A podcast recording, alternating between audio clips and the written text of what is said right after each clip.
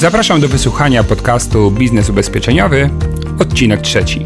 Nazywam się Adam Kubicki i w ramach moich nagrań przekazuję wiedzę mającą pomóc Ci odnieść sukces w branży ubezpieczeniowej. Opowiadam o tym, jak prowadzić sukcesem swój biznes, jak rozwijać swoją sprzedaż oraz zarządzać zespołem sprzedażowym.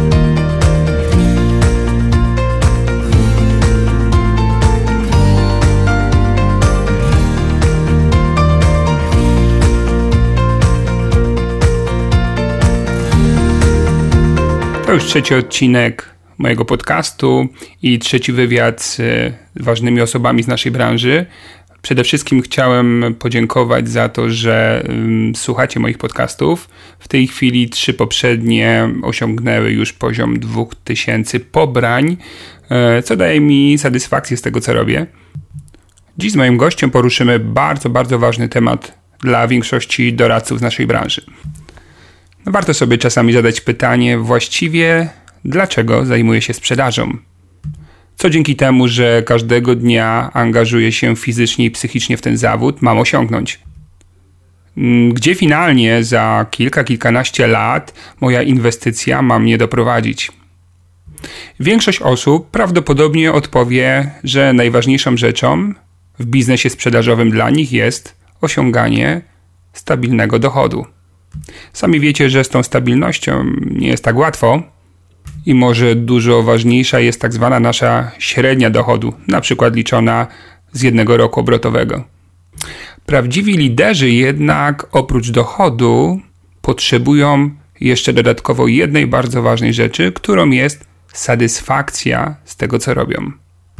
A tak naprawdę w sprzedaży, a zwłaszcza sprzedaży ubezpieczeń, satysfakcję lub jej wysoki poziom osiąga się tylko w jeden sposób ubezpieczając klienta majętnego, osiągając dzięki temu wysoką składkę, dużo wyższą niż ta, jaką średnio zdobywamy każdego dnia. Jeśli choć raz spisaliście umowę, czy to majątkową, czy życiową, o dużej wartości, prawdopodobnie pamiętacie to uczucie. Jeżeli jesteście agentami sieci własnej, z pewnością też pamiętacie uczucie zadowolenia, kiedy zostaliście pochwaleni przez swojego szefa, czy chociażby składając dokumenty w sekretariacie oddziału, w którym pracowaliście, czy pracujecie. Ostatnio miałem gościa, pewnie pamiętacie, Danutę Sikorską, która osiąga niesamowite rezultaty w sprzedaży ubezpieczeń majątkowych. Dzisiaj dla odmiany zaprosiłem osobę, która sprzedaje bardzo duże sumy ubezpieczenia i duże składki w obszarze ubezpieczeń, indywidualnych ubezpieczeń na życie. Wojtek dzielnie korzysta również z mojej pomocy od pewnego czasu, ponieważ to też kiedyś, jak byłem agentem, był mój rynek docelowy. E, no i cóż, są tego pierwsze owoce. Chociażby w ostatnim miesiącu udało mu się spisać umowę ze składką ponad 60 tysięcy rocznie, co już patrząc na naszą średnią rynkową jest naprawdę niezłym osiągnięciem. Wojtek w tym wywiadzie podzieli się z Wami swoimi sposobami zarówno docierania do tych klientów, jak i yy, stylem rozmowy, który ma doprowadzić do decyzji na tak. E, naprawdę warto wysłuchać do samego końca, e, ponieważ przez całą naszą rozmowę będzie przewijało się bardzo dużo praktycznych porad. Zachęcam w takim razie do wysłuchania. Zaczynamy. Cześć Wojtku. Witaj Adamie. E, bardzo Ci dziękuję za to, że zechciałeś się ze mną dzisiaj spotkać. Mm, no to co, może na początek opowiedz trochę o sobie. No to może się przedstawię. Wojtek Pratkiewicz, mam 36 lat żonaty, posiadacz pięcioletniej Mai.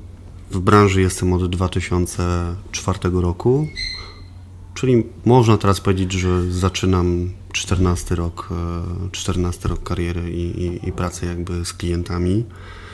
E, na co dzień pracuję na Dolnym Śląsku w oddziale National London we Wrocławiu.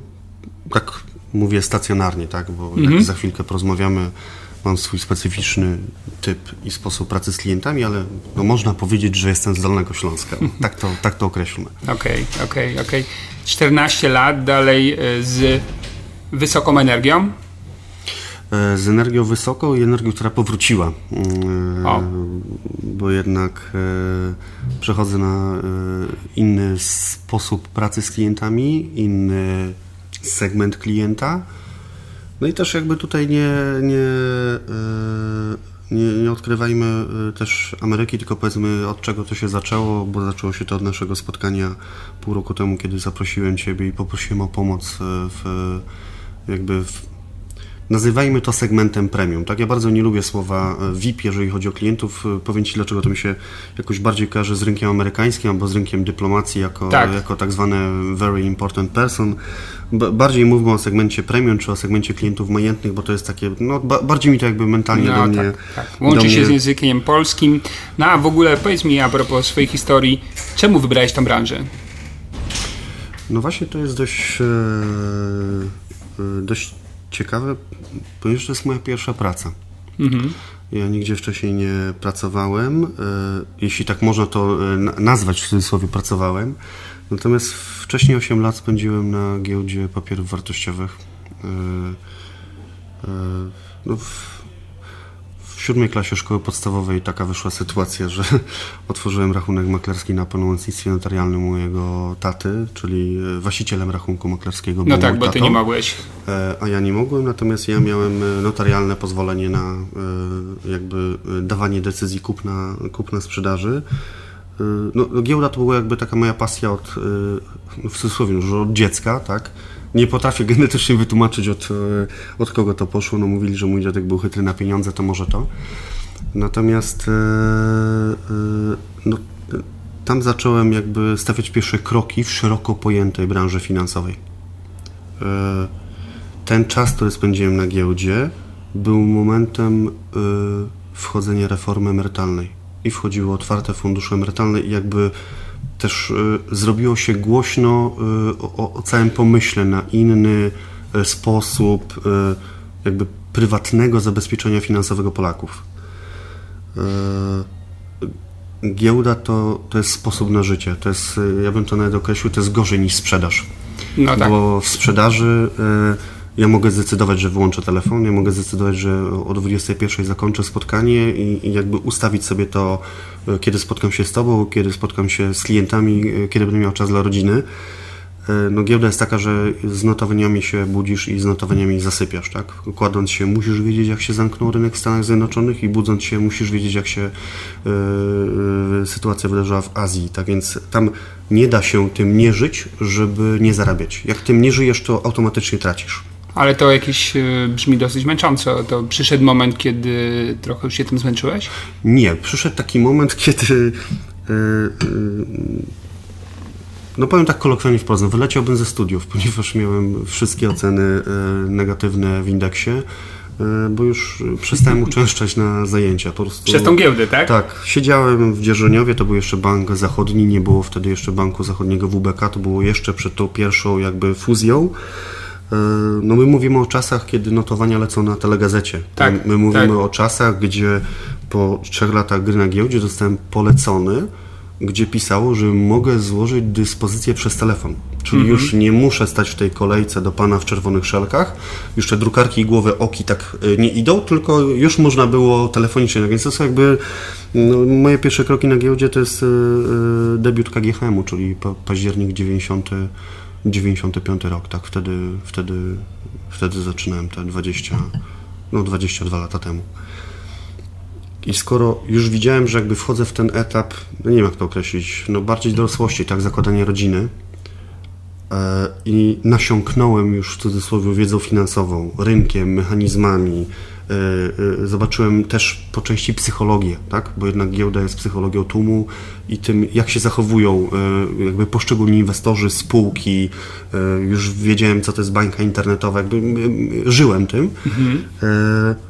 No to postanowiłem tą wiedzę jakby przełożyć na korzyści materialne czy tam zawodowe. To był też czas, kiedy zapukał do naszych drzwi agent z Commercial Union.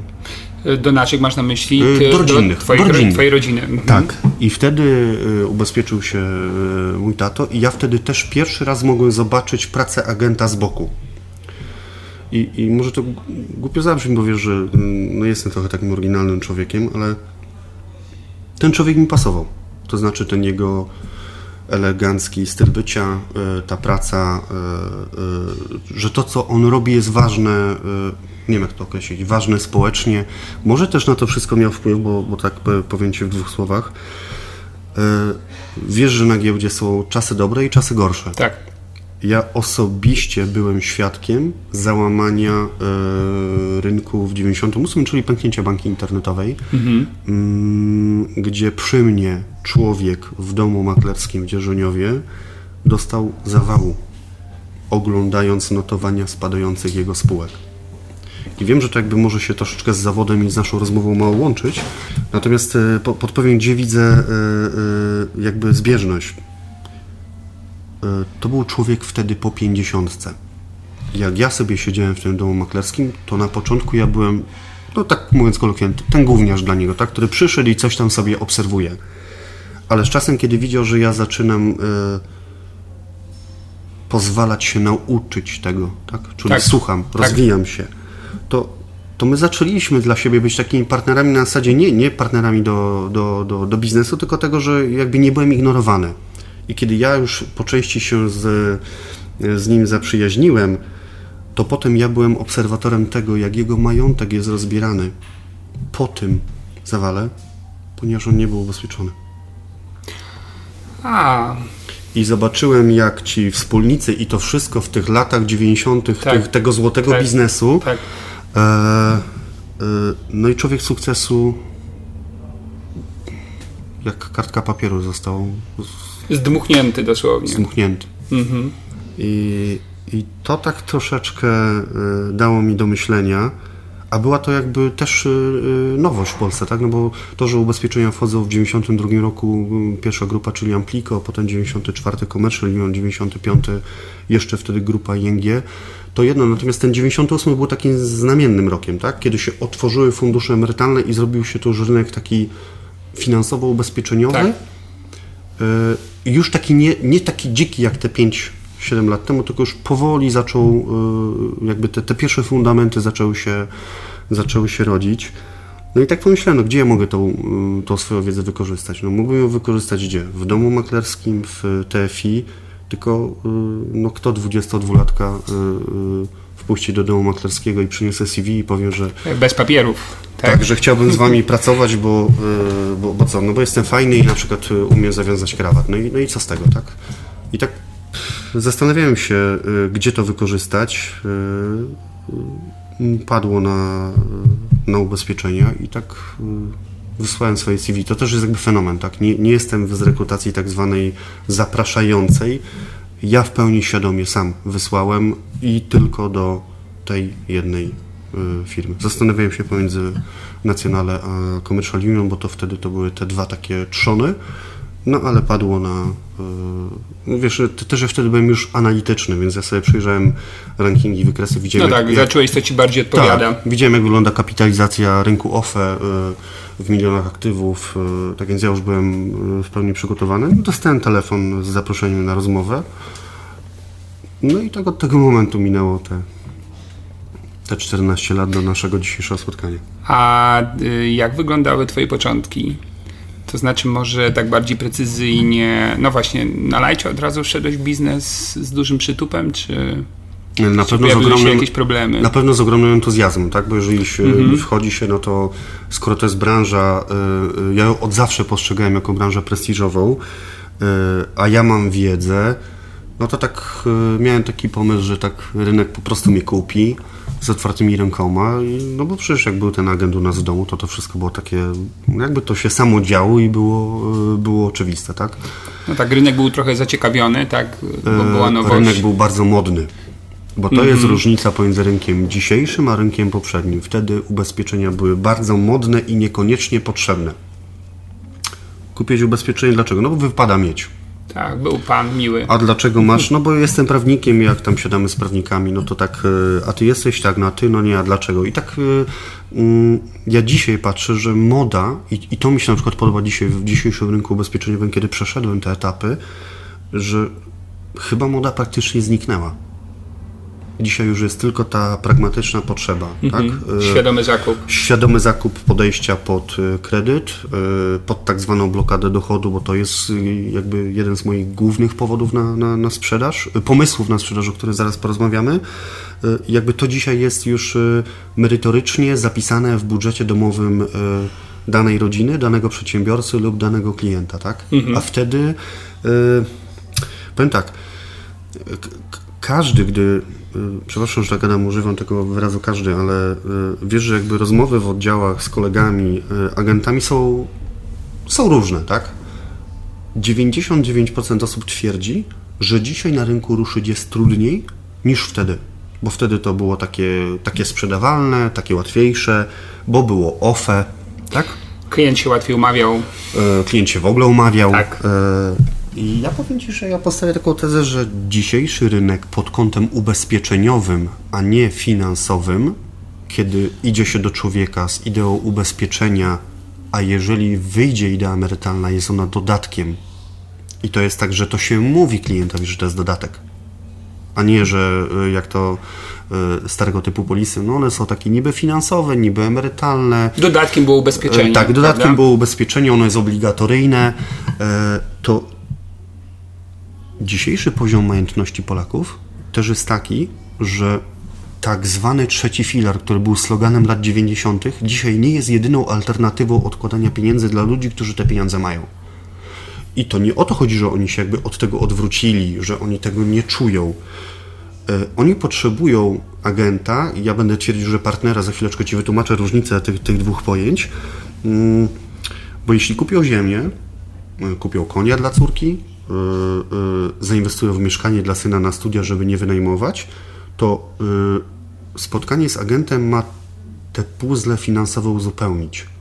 Ale nie jest tak, że ten puzzle jest już takim tam kulą nogi ostatnio, że ona nie pasuje, chyba że tak ustalisz sobie w głowie. Tak? Jeżeli przyjdziesz z taką pozycją do klienta, że, że ty jesteś tym, który tak tylko przychodzi, w sumie przeszkadza i, i tak jakby zabiera klientowi czas, to oczywiście. Natomiast jeżeli przyjdzie się na tym poziomie partnerskim, to ta usługa, czyli y, usługa ubezpieczeniowa polisa będzie tak samo traktowana przez klienta jak, y, no właśnie, nie wiem, jak abonament za studia, czy, y, czy, czy jakikolwiek, czy jakakolwiek inwestycja inna, którą klient w, w tym czasie równocześnie dokonuje.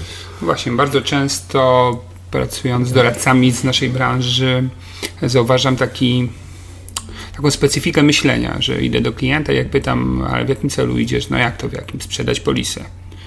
E, wiesz, bo jest konkurs, bo premia, bo potrzebuje dochodu. Klient mhm. jest okazją do mm, sprzedaży, sprzedaży policji. To jest mój mhm. główny cel, kiedy kupuję sukces, nie kupuję porażkę i tak dalej. Mhm. Ja myślę, że w dzisiejszych czasach tego typu podejście do pracy z klientem zawodzi. Kiedy myślę głównie o sprzedaży. Chyba już w ogóle nie działa. No tak. No ja wiem, że to jest takie może y, to, trochę bardzo zero-jedynkowe. Mhm.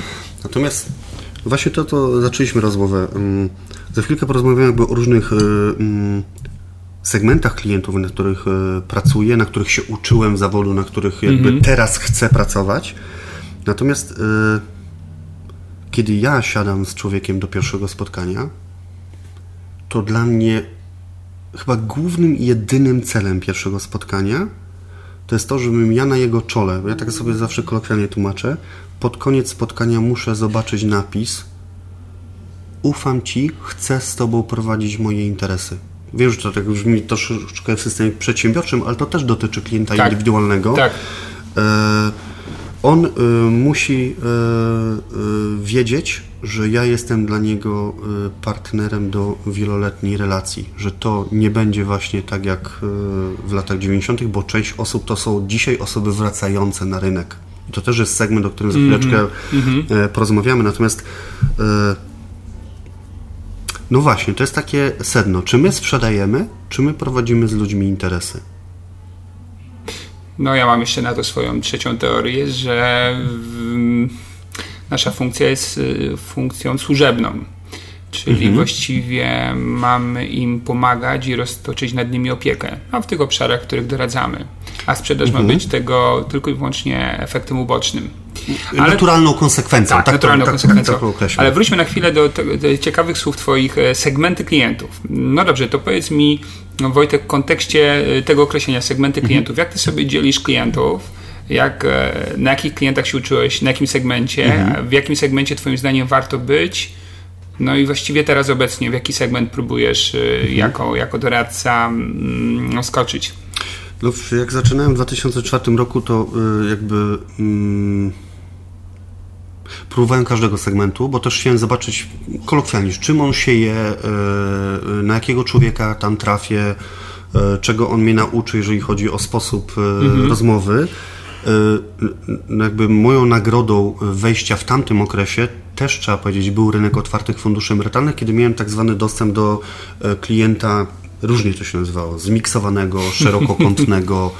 E, jednak potencjały dochodowe e, były od podstawowych stanowisk etatowych do e, jakby wysokich stanowisk. Mhm. Wtedy każdy tą decyzję musiał podjąć i, i to, to, to był dla mnie jakby wartość dodana całego rynku, że mogłem na tym, na tym zacząć.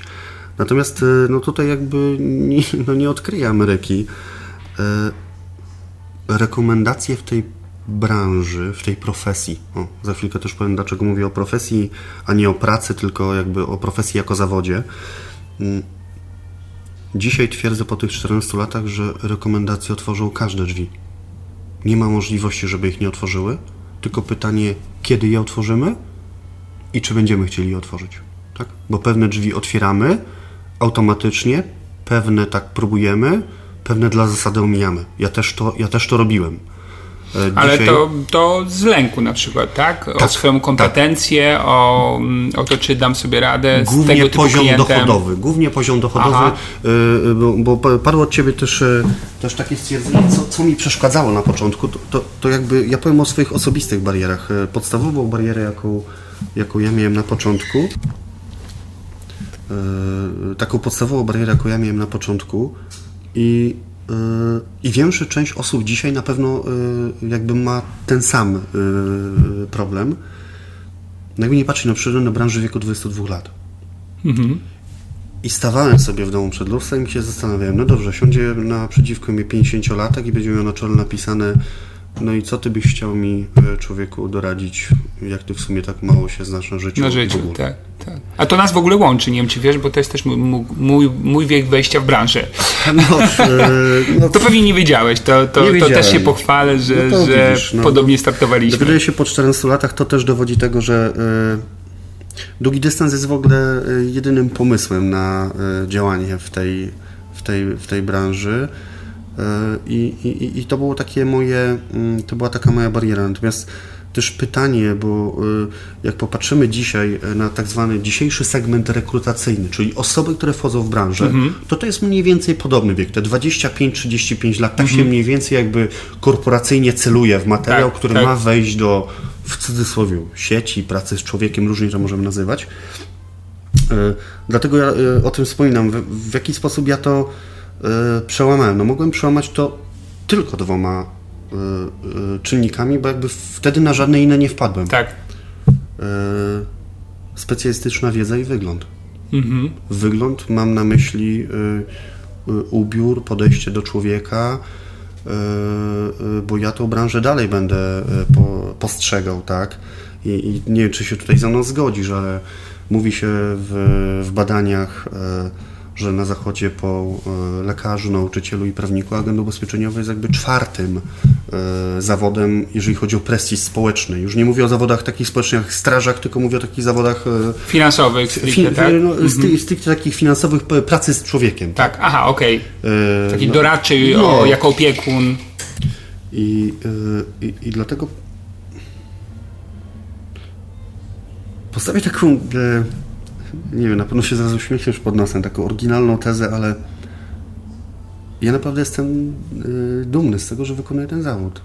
To nie mhm. tylko jest to, że ja jakby uwielbiam tą robotę, żeby nie powiedzieć, że kocham tą robotę, bo jak to posłucha moja żona, to będziemy mieli ciężki weekend, ale mm, dzisiejszym problemem tej branży jest to, że ta branża gdzieś się sama siebie wstydzi.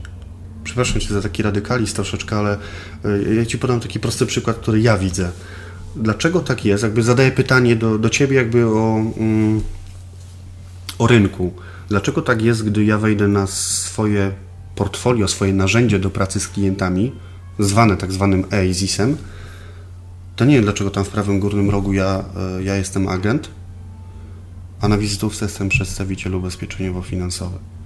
Nie wiem, dlaczego tak jest, że e, agent nieruchomości może sprzedać kamienicę i, i jakby pracować nad człowiekiem 2-3 lata, bo to nie są proste transakcje i zarobić na tym 100, 200, 300 tysięcy złotych no, z prowizji, tak? czy agent sportowy transferujący zawodnika.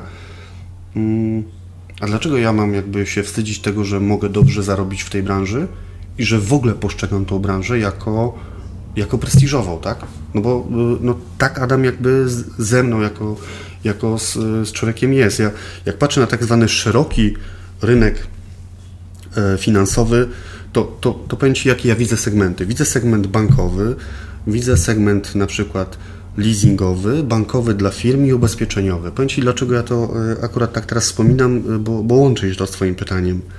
Bo jeżeli klient weźmie kredyt, duży kredyt, i ktoś może powiedzieć, no klient wziął milion złotych kredytu, no to jest to. Jeżeli przedsiębiorca przyjdzie do banku i powie, że chce w nie wyleasingować sprzęt budowlany, to jedni powiedzą, no dobrze, to są duże obroty, ale jakby na to popatrzę naturalnie. On to musi zrobić, żeby funkcjonować, bo jest to jakby naturalna kolej rzeczy w jego firmie. No ale ubezpieczyć człowieka na milion to już nie jest takie stryk. I to już umie niewielu. No wiesz, e, tutaj mamy taki kłopot, że świadomość potrzeby ubezpieczenia kreujemy my jako doradcy w naszej mhm. branży w głowie klienta, rzadko kiedy mamy go jakby gotowego. W przypadku mhm. leasingu czy wszelkich innych usług, to on ma tak naprawdę potrzebę i to on z tą potrzebą puka do banku bram. E, ale właśnie, bo w, jakby wracając do pytania o segmenty klientów, um, Ciebie wiem, że interesuje generalnie ten segment premium. Mhm. E, czym się cechuje segment premium? Jak tego definiujesz? E, definiuję go e, e, jakby i pod kątem czysto analitycznym, statystycznym, ale też jakby typologią mhm. człowieka. Jeżeli weźmiemy typologię, no typowy klient segmentu premium, człowiek o bardzo ograniczonym czasie na spotkanie, człowiek bardzo mobilny, przemieszczający się bardzo często już poza granicami kraju, będący dziś we Wrocławiu, jutro w Gdańsku, pojutrze już, już gdzieś gdzieś leci. Mm. Człowiek bardzo wymagający, jeśli chodzi o styl jego obsługi. E, nie wiem, jak to tak określić, żebyś mnie e, Adam dobrze zrozumiał. Ja się czasami też zastanawiałem, bo jakby nie jestem klientem, e, klientem jako z pozycji tak, klienta, nie jestem tak. klientem majętnym. Ja Ci zaraz powiem, dlaczego jakby jestem w stanie obronić tą tezę, że nie jestem klientem majętnym i dlaczego obroniłem, żeby pomóc sobie w pracy z klientami. Hmm. Zadałem sobie pytanie, że gdybym był klientem majętnym, w jaki sposób chciałbym być obsługiwany? I teraz ja sobie zadałem takie pytanie, odpowiedziałem: Chciałbym z rynku kupować wybrane przez siebie usługi, robić to z zaufanymi ludźmi i robić to sprawnie i szybko logistycznie. Ale nie chciałbym, żeby cały rynek pukał do mnie ze wszystkim i zabierał mi cały dzień i moje pieniądze, których ja się przecież ciężko dorobiłem, tak? Okej, okay, czyli pierwszy punkt, w momencie, kiedy chcesz być w segmencie premium i zdobywać tych klientów, ważny jest sposób dotarcia do tych klientów. Dokładnie. Czyli nie wiem, no na przykład jakiś cold calling, o, czy nie wiem, jeszcze jak można poszukiwać klientów obecnie. W sensie pytasz jakby jakiegoś tam zimnego mój pomysł na, tak, na tak. rynek? Ja dzisiaj widzę tylko i wyłącznie dwa.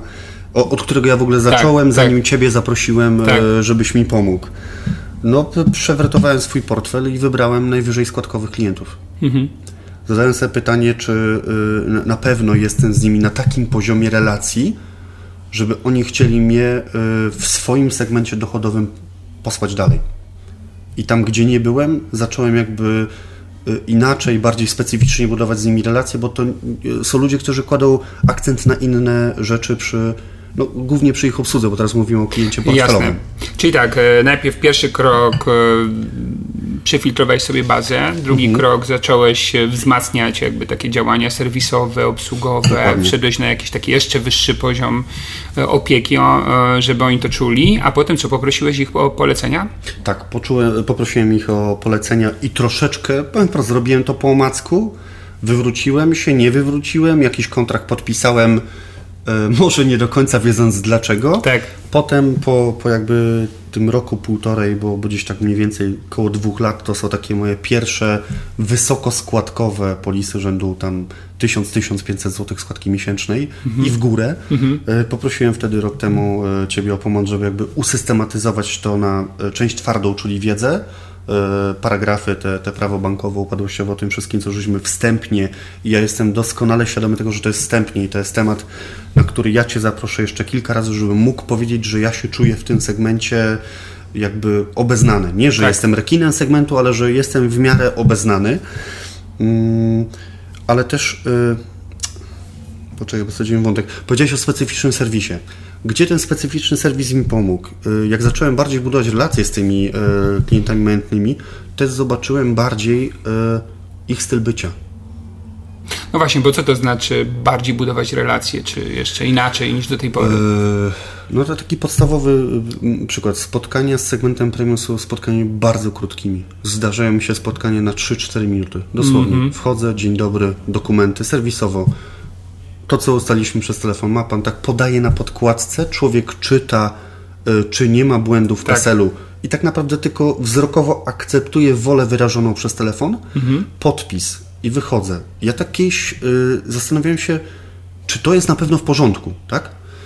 I powiem Ci, że y, doszedłem do takiego wniosku, że klienci z segmentu premium najbardziej cenią agenta, ale to mówię teraz o agencie, żeby nie było, że tak. mówię o autopsji o, tak. o, o, o sobie za to, że mu zaoszczędza czas.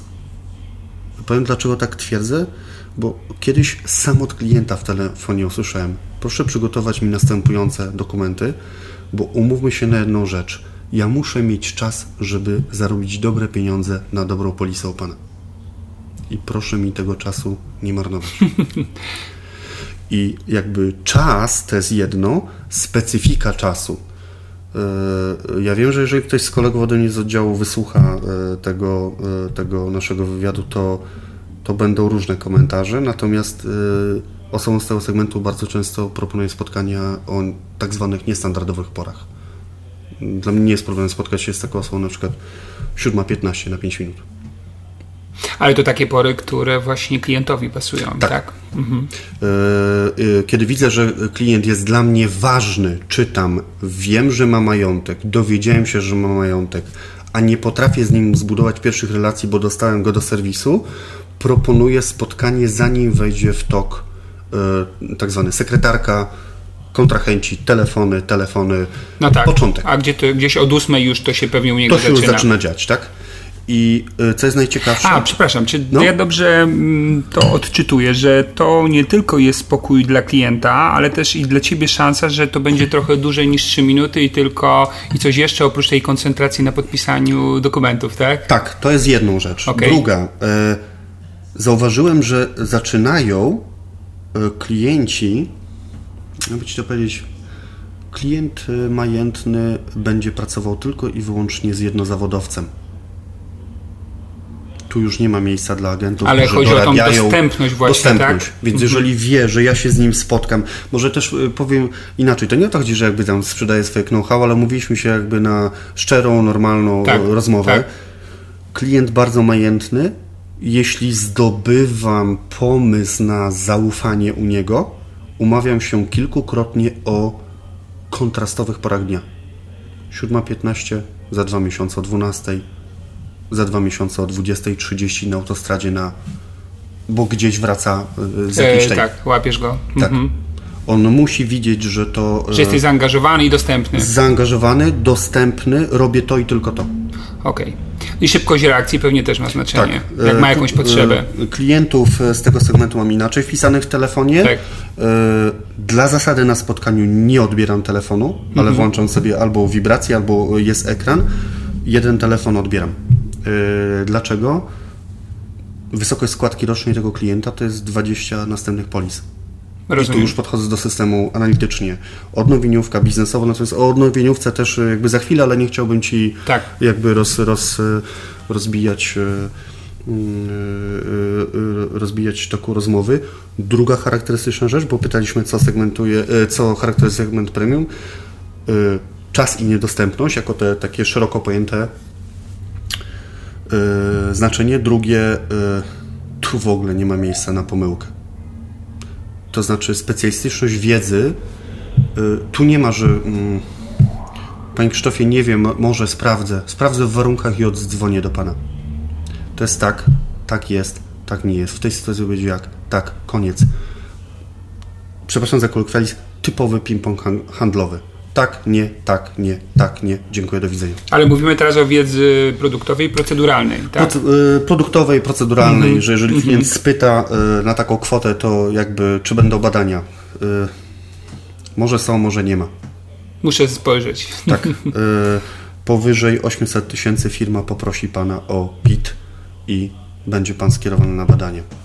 Polegające na przykład na tym i na tym. Polegające na tym i na tym. Będzie Pan mógł je wykonać w innym mieście. Proszę mi powiedzieć, bo nie chcę, żeby było tak, że ja Panu dzisiaj zajmuję trzeci raz po 15 minut czas, a potem jakby będzie Pan miał do mnie pretensje, że musi Pan zjechać z trasy od kontrahentów i zrobić gdzieś badania. Chcę, żeby Pan tą ścieżkę jasno teraz znał i zaakceptował, zanim ja poproszę Pana o podpis. A powiedz mi, przy takim stylu e, współpracy z klientem, myślę teraz o działaniach serwisowych, bo wiele osób ma taką obawę, że idąc w tą stronę, klient jakby zaczyna coraz bardziej wymagać, a coraz mniej e, jest nośny do nowych rzeczy. A wiesz co chodzi, że no, mówią, no, no gdzieś tam mhm. trzeba się szanować, nie? Czy też masz taką mhm. granicę, czy czy idziesz głęboko bardzo?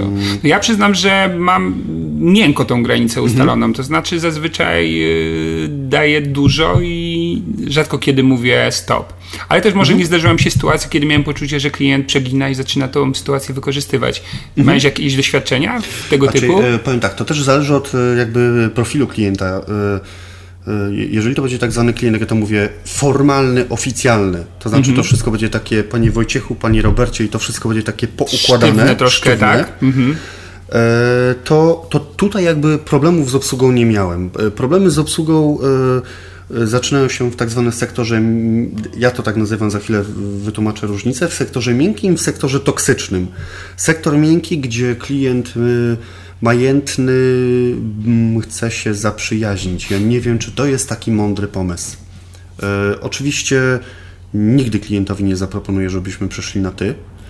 Ja e, również. E, jeśli zaproponuję, czasami jeśli widzę, że jeżeli się nie zgodzę, to stracę, to się zgadzam, ale jakoś tak staram się to e, E, kiedyś ucząc się segmentu premium, e, troszeczkę się zaprzyjaźniłem, kontraktu już nie ma. I jakby mam nauczkę, że to, mhm. To już jest typowa relacja jakby no, biznesowa, powiedzmy wprost. Jasne. Na Czyli tym... stara się utrzymać raczej jakiś tam dystans i żeby ta ona mhm. była bardziej biznesowa niż przyjacielska. Dokładnie. Natomiast ten segment toksyczny, to ja mówię o tych klientach, o których kiedyś rozmawialiśmy przez telefon. Jak ja to mówię, tak zwany sektor klienta, inwazyjny rekin. Wchodzi się do klienta, on automatycznie no y, y, głos twardy. Jest mistrzem świata. Tak, tak. Pan, pan, się 16 sekund spóźnił. Mm, mm, mm, no ja takich klientów uwielbiam. Tak. Y, ja się z takimi klientami czuję dobrze gdzie tak. większość doradców tak naprawdę e, ma zupełnie odmienny. Podam Ci taki praktyczny e, przykład, bo, bo to jest jakby to jest i zabawne, mhm. ale z drugiej strony y, to, to nie jest tak, że ja się tego nauczyłem tak od tak, bo też nie chcę, żeby celem tego wywiadu było tak, że spotkałeś się z człowiekiem, który jakby rano się obudził i już y, jakby wieczorem tak. podpisał polisę na, tak. na 50 tysięcy składki. Miałem jakąś taką zabawną y, historię, notabene we Wrocławiu. Umówiłem się z człowiekiem, człowiek jest y, prezesem zarządu, zatrudnia około no, 200-250 osób firma IT, wyszła taka sytuacja, że ja autentycznie się spóźniłem, bo stałem w korku. Ale nauczył mnie tego rynek, że jeżeli już wiem, że nie dojadę, telefon będę później. Nie ma, że zajadę i nie mogłem znaleźć pana numeru telefonu w, w telefonie.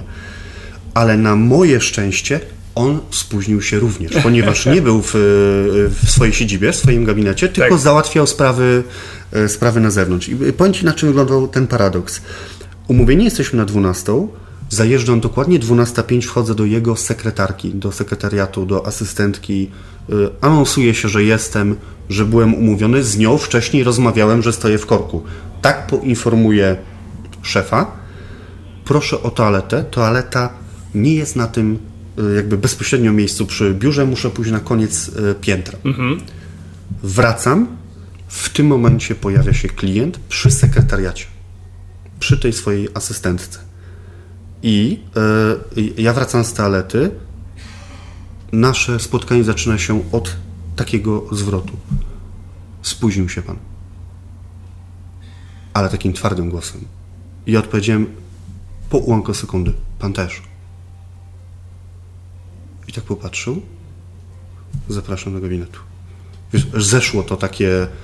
E, no ja mógłbym też 16 minut go przepraszać, wejść, jeszcze raz go przeprosić, że mu zabrałem 16 minut i wyjść. Tak no mówię tak, kolokwialnie. Twoja waszym... pozycja w tym momencie nie jest partnerska. Tak, tak. I ja tak pomyślałem sobie, e, to, to był taki jeden z etapów, gdzie uczyłem się tego rynku, ale te, tak sobie pomyślałem, no albo teraz, albo nigdy, tak? I po prostu popatrzyłem na niego bardzo stoickim, ale twardym spojrzeniem. Powiedziałem, pan też.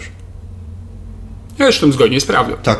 I jakby to się tak e, e, w tym wieżowcu relacyjnym, tak jak to mówię, jeżeli idziemy do klienta segmentu premium i, i to jest ten, jak ja to mówię, wieżowiec relacyjny e, i on jest na tym ósmym piętrze, to nie może tak być, że my wsiadamy do windy i naciskamy minus jeden do piwnicy, tak? On po pierwsze nigdy do tej piwnicy nie zjedzie, a jak tak, to po auto i wyjedzie, tak? Ja tak mówię o kolokwializmie, ale jeżeli my no pytanie, czy on nam pozwoli wejść na ten, na ten segment.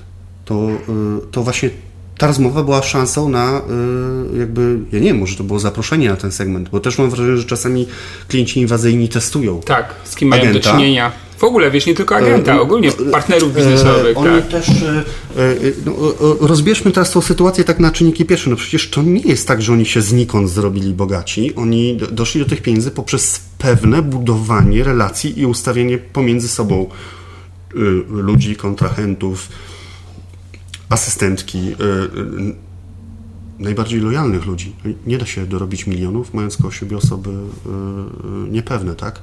No nie bez kozery wymienia się całe zaplecze administracyjne przy każdych wyborach w Stanach. Po prostu wstawia się ludzi na 101% lojalnych i, i tyle, tak? Tak. tak. Co, to przypomina mi moją historię, bo mm, co prawda teraz sam nie sprzedaję ubezpieczeń, no ale też muszę sprzedawać swoje usługi i miałem kiedyś spotkanie z prezesem pewnej firmy zajmującej się sprzedażą i doradzaniem ubezpieczeń i pamiętam jak e, na wejściu przywitał mnie w takim tekstem typu ach, ci konsultanci biznesowi, szkoleniowcy, mhm. czarodzieje mhm. A, a ja mówię, no tak jak prezesi też mhm. czarodzieje inni robią, a oni y, dobrze wyglądają. Mhm. No, zaczął Udają, się że są wiecznie tak, zajęci. Tak, zaczął się mhm. śmiać i, i, i, rozmowa całkiem fajnie poszła. To było ciekawe, bo zaczęliśmy w takim dziwnym, oschłym gabinecie, a skończyliśmy już na miękkich skórach. E, w zupełnie Dokładnie. innym miejscu. Mhm. Ale, Ale zobacz, to też to, miałem że wrażenie, to... że to był test. Mhm. Ale to też, e, tak, to był test, e, tak moim nieskromnym zdaniem, ale też klient musiał cię jakby, po pierwsze, chcieć zaprosić do tego testu. Mhm. Ale to była rekomendacja, tak. więc wiesz, no, to, no to, jakby inna, tak. inna kwestia, ale przeszedłeś ten test. Natomiast jeszcze chwila mm, o, o, o konkurencji i o testowaniu jednocześnie. Ale to poczekaj, jeszcze mhm. podsumowując, czyli wniosek jest taki, wielu klientów z segmentu premium jest na wejściu trudnym partnerem. Trochę mhm. oschli, bywają złośliwi, uszczypliwi. Dokładnie. To nie jest tak, że witają cię z otwartymi ramionami tak. i nie wiem, tak Odgradzają wiesz. automatycznie siebie z różnych powodów. Testu, doświadczenia, sprawdzenia. Wiesz. Tak, i doświadczenie, nie? Z mm. dotychczasowymi różnymi Też, ludźmi, którzy do nich docierali. Yy, kompresowania czasu. No tak, swoją drogą. Swoją drogą, z pewnością. Ja też, e, też miałem takie historie, mm, na przykład jeden z prezesów pewnej firmy mhm. ubezpieczeniowej. Poprosił mnie moją książkę, kiedy trzymał mhm. ją w, ręka, w rękach, popatrzył e, na mnie i zadał mi takie pytanie, fajna książka, a kto panu pisał? E, też to był niezły test. Tak, tak, tak. E, no i ten luz i swoboda, który miałem, który miałem w sobie na pewno bardzo mi pomógł. E, ja myślę, że wielu doradców ma z tym problem, że tak mhm. boi się tych klientów segmentu mhm. premium, że właściwie palą spotkanie już na samym początku. Mhm. By, by, są zbyt mili, zbyt usłużni, wiesz, zbyt miękko podchodzą do mhm. relacji, nie, nie radzą sobie z tą złośliwością mhm. e, lub konkretnością albo na siłę próbują zmontować, e, wiesz, mm na miękko, miękką rozmowę, typu mm jak to ładnie u pana w biurze. Tak, tak, tak. E, ta, co jest klasycznym, ta, ta Egiptu, tak, tym e, klasycznym tak. wejściem, jak jesteśmy u kogoś w mieszkaniu, pamiętasz, jak się odwiedzało mm mieszkanie tak. klientów. A czyli to jest ten nasz taki początek rynku, kiedy my się ugoczymy w latach 90. Widzę, że pan był w Afryce, kiedy się wchodziło tak, do klienta tak. do domu.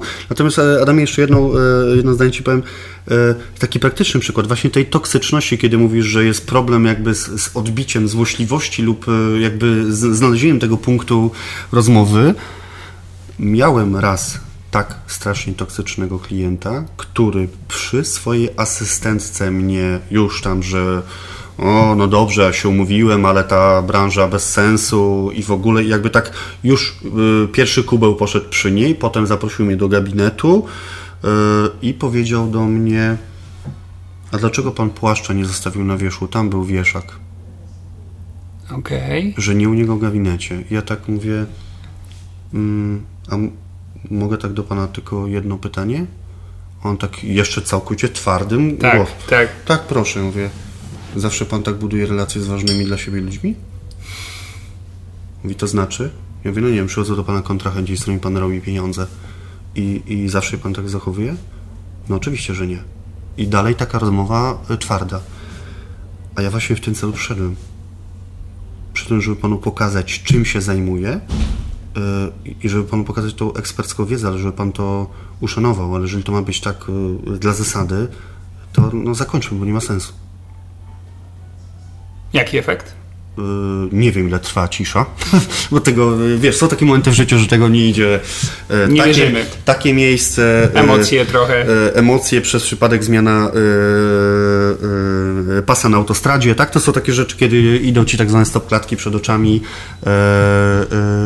ale relacje zeszły na y, ten poziom i nie straciłem spotkania. Okej, okay, tak? kolejna ważna rzecz, czyli są momenty, w których to milczenie jest istotne i przerywanie tego milczenia mhm. nie ma sensu najmniejszego. E, znaczy, momenty w rozmowie z klientem. Yy, no powiem też coś bardzo niepopularnego, ale milczenie w segmencie klienta wysokodochodowego jest jednym z fundamentów sukcesu. Mhm.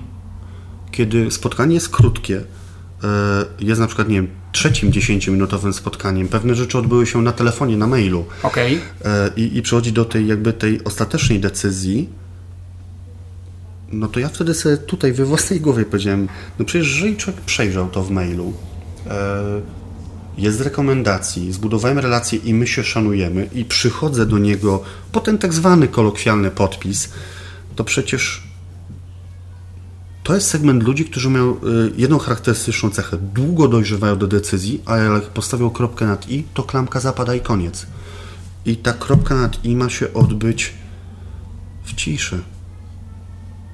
Bo to on ma podjąć tą decyzję, że ubezpieczy się na 2000 zł składki miesięcznej, a nie ja, tak? Ja jestem już tylko mm, technicznie dostawcą usługi, który zbudował to wszystko na takim poziomie, że klient to e, zaakceptował. Ale wcześniejsze kontrakty, które doprowadziły, że ta firma jego jest tak prężna, no to przecież e, no przepraszam cię za kolokwializm, ale to nie było tak, że on ze swoim prawnikiem i notariuszem yy, yy, pojechali na warszawską Starówkę albo na dworzec główny i 100 osób krzyczało, oni usiedli z kontrahentami i co, robimy interesy? No, tak. no przecież oni też się skupili, przejrzeli to, yy, podjęli ryzyko biznesowe, czy to się zwróci, tak? Bo jest to biznes. No i jakby w ciszy tą kropkę na D, czyli ten podpis, który y, jak to było w książce Franka Bergera, no ta, ta ostatnia y, faza sprzedaży, mm, no, no to jest to, bo właśnie wracając do tego pytania Twojego z początku wywiadu, ja jestem zdania, że do pewnej składki ubezpieczenia się sprzedaje, powyżej pewnej składki buduje się już tylko interesy. Mój serdeczny przyjaciel powiedział kiedyś do mnie takie ciekawe zdanie. E, mm, ubezpieczenia się nie sprzedają, ubezpieczenia trzeba czuć. Mhm. I y, ja dla swoich najbogatszych klientów od samego początku y, nie chcę być sprzedawcą. Chcę być agentem rozumianym jako partner do robienia interesów. Dlaczego ja mówię do robienia interesów? Ponieważ kolejną jakby zasadą utrzymania tego klienta u siebie jest tak zwana, jak ja to mówię, y, relacyjność Mm, jak to określić, międzyludzką. Może tak, powiem w praktyce to będzie prościej. No właśnie, podaj przykład. Wchodzi mi człowiek do y, y, portfela, zaczynam już wiedzieć y, do końca, na czym jego biznes polega. Następną rzeczą, którą chcę jak najszybciej uzyskać, czym się człowiek w czasie wolnym zajmuje. Jeżeli się okaże, że na przykład, nie wiem, jego żona lubi rękodzieło, no to moją rolą jest klientkę, którą mam, która robi rękodzieło i którą mam w portfelu od wielu, wielu lat, jest jak najszybciej połączyć z żoną tego klienta. Czyli wymienić usługi klientów w portfelu. Bo e, kiedyś usłyszałem takie fajne zdanie: najpierw daj, daj, daj, a potem proś. E, na te rekomendacje przecież trzeba zapracować. No, reguła wzajemności. Więc jeżeli e, żona e, tego w cudzysłowie, jak ja mówię, tego wyrazu buńczucznego, którego oboje chyba nie lubię, czyli ta żona VIP-a zajmuje się taką rzeczą jak upiększanie domu, no to, e, no to moją rolą jest jak najszybciej zaprzyjaźnić się i dostarczyć jej te usługi. Jeżeli jej mąż wróci i zobaczy coś pięknego w tym, powie, a skąd to masz? No, klient pana Wojtka i jeżeli to już będzie pana Wojtka, a nie pana Wojciecha, to ja już wiem, że jestem ten segment wyżej i już y, y, mogę jakby y, bardzo chciałem w swoim portfelu mieć y, złotnika. Mam w swoim portfelu właściciela gabinetu numizmatycznego, który y, w, ma duże znajomości na rynku jubilerskim. Klienci y, mogą jakby Y, mieć prowadzoną polisę przeze mnie, ale równie dobrze mogę im pomóc dotrzeć do, y, do usługi typu, nie wiem, jakieś ładne rzeczy ze złota. No i, no i co wtedy taka żona powie, że, no, że agent się sprawił? Tak, czyli rekomendujesz klient tom klientów, jeżeli tak. znajdziesz potrzebę. A po wielu latach tak. to ma się już tych znajomości w tej branży. Jest to jakby takie tak, anonsowanie, tak, tak. bo y, no, y, to, no, to, co powiedziałeś, no, reguła wzajemności. Ja, y, ja sobie też jakby czasami jak siadasz gdzieś na szkoleniach z ludźmi i mówią no ale rynek to już się nasycił, rynek się nie rekomenduje, y, no ale dlaczego ma się rekomendować? Tak dla zasady? Bo, bo nie wiem. Bo, poprosiłem. Co? Tak, bo pro, y, w ogóle... No nie wystarczy poprosić, tak. żeby otrzymać, to fakt. Y, też nie możemy my jako agenci ustalić, że klienci wiedzą, że serwis ich polisy ma polegać na rekomendacji. -hmm. To ma być to, co mówiłeś, czyli ta sprzedaż ma być tym naturalnym elementem. Ja rekomendację rozumiem jako nagrodę za swoją wiedzę i autorozwój mój dla klienta. Mhm. Jeżeli ja dam dla niego więcej, y, to wtedy y, mogę liczyć, że dostanę kontakt do, y, do następnej osoby. Tak? Czyli rekomendacje nie są za to, co klient ma u nas, w sensie produktu, ale to jak z nim pracujemy, jak go obsługujemy. Dokładnie. Chociaż wielu naszych doradców z branży nie przepada za serwisem i często jest y, ten kontakt z klientem już nie istniejącym w portfelu zaniedbany. Zwłaszcza kiedy jest jeszcze klient y, przejęty. Yy, tak, bo jak pojadę, to rzuci polisą. Pierwsza obiekcja, druga.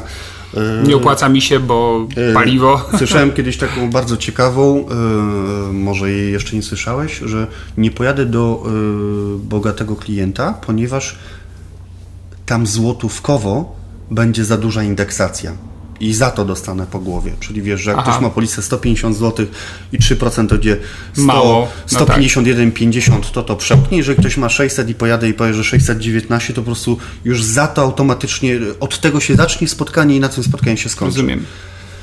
No ale to pod szytelenkiem tak naprawdę.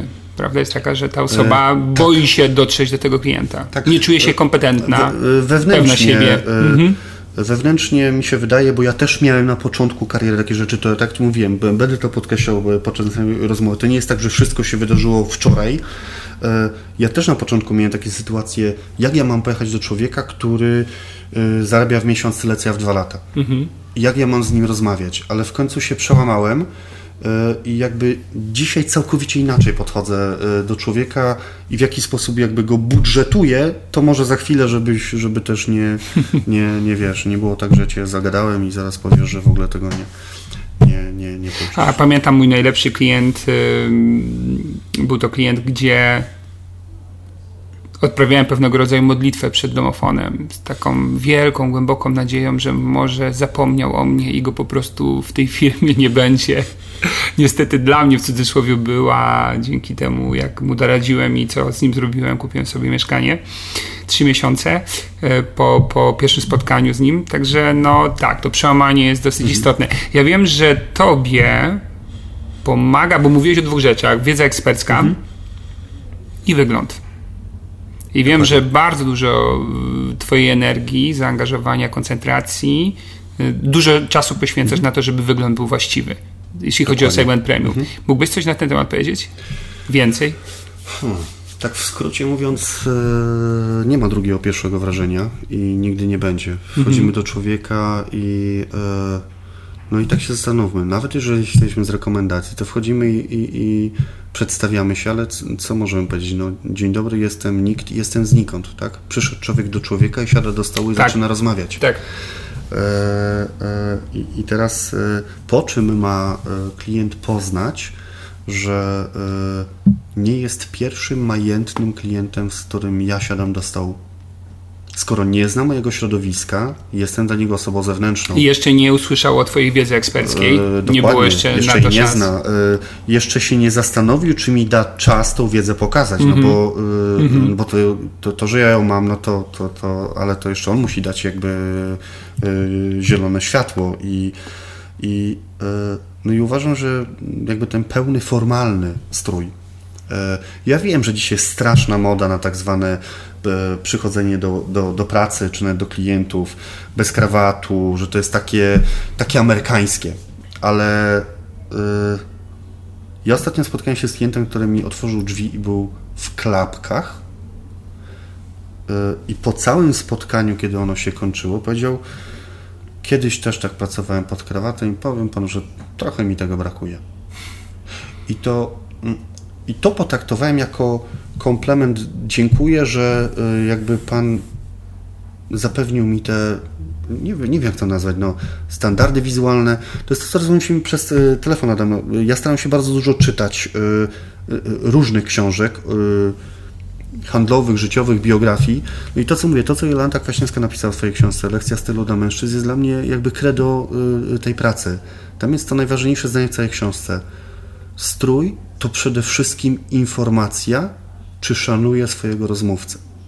I teraz odwróćmy to. Y, dlaczego tak bardzo nam zależy na tym, y, jak wyglądamy na ślubie osoby bliskiej, na komunii własnej córki? Dlaczego tak bardzo się staramy o, o to, żeby dobrze wypaść w oczach pracodawcy? Dlaczego politycy nas y, przekonują o swoich racjach nie w dresie? I teraz my idziemy do człowieka, mówimy o tym segmencie bardzo wysokodochodowym, gdzie on nam może jednym podpisem zapewnić, tak ty powiedziałeś, mieszkanie, czy jak ja mówię, nie wiem, półroczny dochód. I no i to po prostu zobowiązuje. Ja myślę, że w ogóle ta branża zobowiązuje. Ja tą branżę widzę klasycznie, ja tą branżę widzę inaczej. To są po prostu ludzie poukładani, którzy wiedzą dokąd idą, podstawą jest klient. Etyka to jest w ogóle rzecz, jakby, o której w ogóle nie powinniśmy rozmawiać. Mm -hmm. Tutaj nie ma żadnego chodzenia na skróty. Jest w pełni nagalowo, formalnie. No i to, co Walkiewicz też y, y, podkreśla w swojej książce, Jacek Walkiewicz, y, podstawą pokory jest punktualność, a podstawowym symptomem pychy jest spóźnianie się. I to jest takie oczywiste, tylko że my tego nie stosujemy, tak? I e, każdy z nas ma dzieci, każdy złapie e, kapcia w samochodzie I jak nam ktoś przestawi dzień o pół godziny i jest jak w systemie jak u dentysty, że wszystko się przestawia, to chodzimy i jesteśmy wściekli do wieczora. Ale jak to odwrócimy, że my zajechaliśmy za późno, no ja, no przecież ja agent ważny i, i jak to w ogóle możliwe? Przecież ja byłem najważniejszym punktem w, w dniu tego człowieka. No właśnie nie, bo u człowieka... Mm, y, podam Ci taki y, praktyczny przykład, który też mnie bardzo jakby od strony technikaliów nauczył pracy. Y, rok temu podpisałem kontrakt na 1700 zł miesięcznie tylko i wyłącznie składki ochronnej, bez żadnej części inwestycyjnej. Kontrakt odbierała ode mnie asystentka. Zadzwoniłem do klienta. Dzień dobry, mam dokumenty, o której mogę podjechać. Termin jest nieważny, osoba czeka na pana w biurze. Wie to znaczy? Odbierze je moja asystentka, ma upoważnienie. Ja tak y, troszeczkę wiesz. Y, no, Zaskoczony byłeś? Tak, y, naprawdę byłem zaskoczony. Ja mówię, y, no ale proszę pana, y, to nie jest y, y, mała składka i to jakby to, to są ważne sprawy, to są jakby Pana osobiste sprawy. Ja nie wiem, czy ja takie dokumenty mogę osobie trzeciej przekazać. To nie są dla mnie ważne sprawy. Zapraszam do asystentki.